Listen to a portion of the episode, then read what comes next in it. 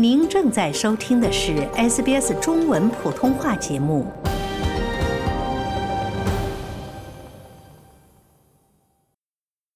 大家好，我是 Lauren 陈龙。本期 SBS 新闻快报带您了解澳大利亚燃油价格的最新统计数据。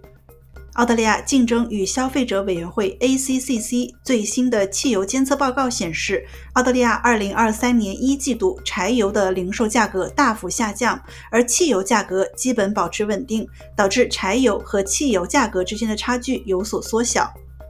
根据报告，澳大利亚五大城市悉尼、墨尔本、布里斯班、阿德莱德和珀斯的季度平均零售柴油价格在2023年一季度与上一季度相比下降了百分之十，下降了23.2分，降至每升199.7分。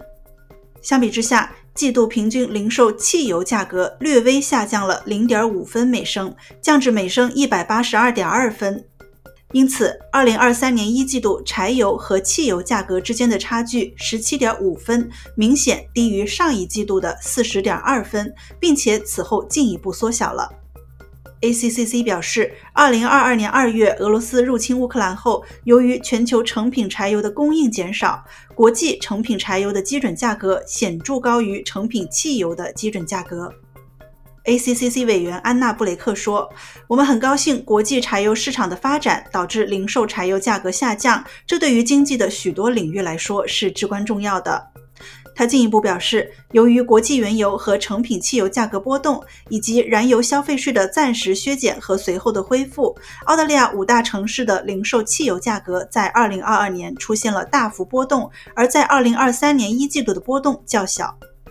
尽管澳大利亚五大城市的季度平均零售汽油价格仅略微下降了零点五分，降至每升一百八十二点二分，但珀斯的汽油价格下降了三点二分，至每升一百七十六点六分；墨尔本下降了零点九分，至每升一百八十四点三分；而布里斯班汽油价格则上升了一点五分，至每升一百八十六点四分。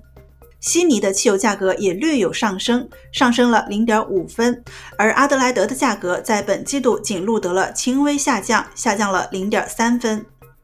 报告还指出，小型首府城市的零售汽油价格也有所下降。霍巴特的汽油价格比上一季度便宜了四点二分，达尔文的价格下降了三点二分，堪培拉的汽油价格下降了二点零分。二零二三年一季度，一百九十多个偏远地区的零售汽油平均价格为每升一百八十三点一分。偏远地区的平均价格与五大城市的平均价格之间的差距缩小了三点四分，目前仅差零点九分。在新州、维州和昆州的偏远地区，平均汽油价格低于各自首府城市的价格。布雷克女士表示，五大城市的汽油价格变化较小，以及大多数偏远地区的价格下降，对于许多的驾车者来说都是一个好消息。感谢收听本期的 SBS 新闻快报，在任何播客平台搜索 SBS 普通话，点击订阅，开启消息提醒，即可了解澳洲国内外新闻以及社区资讯。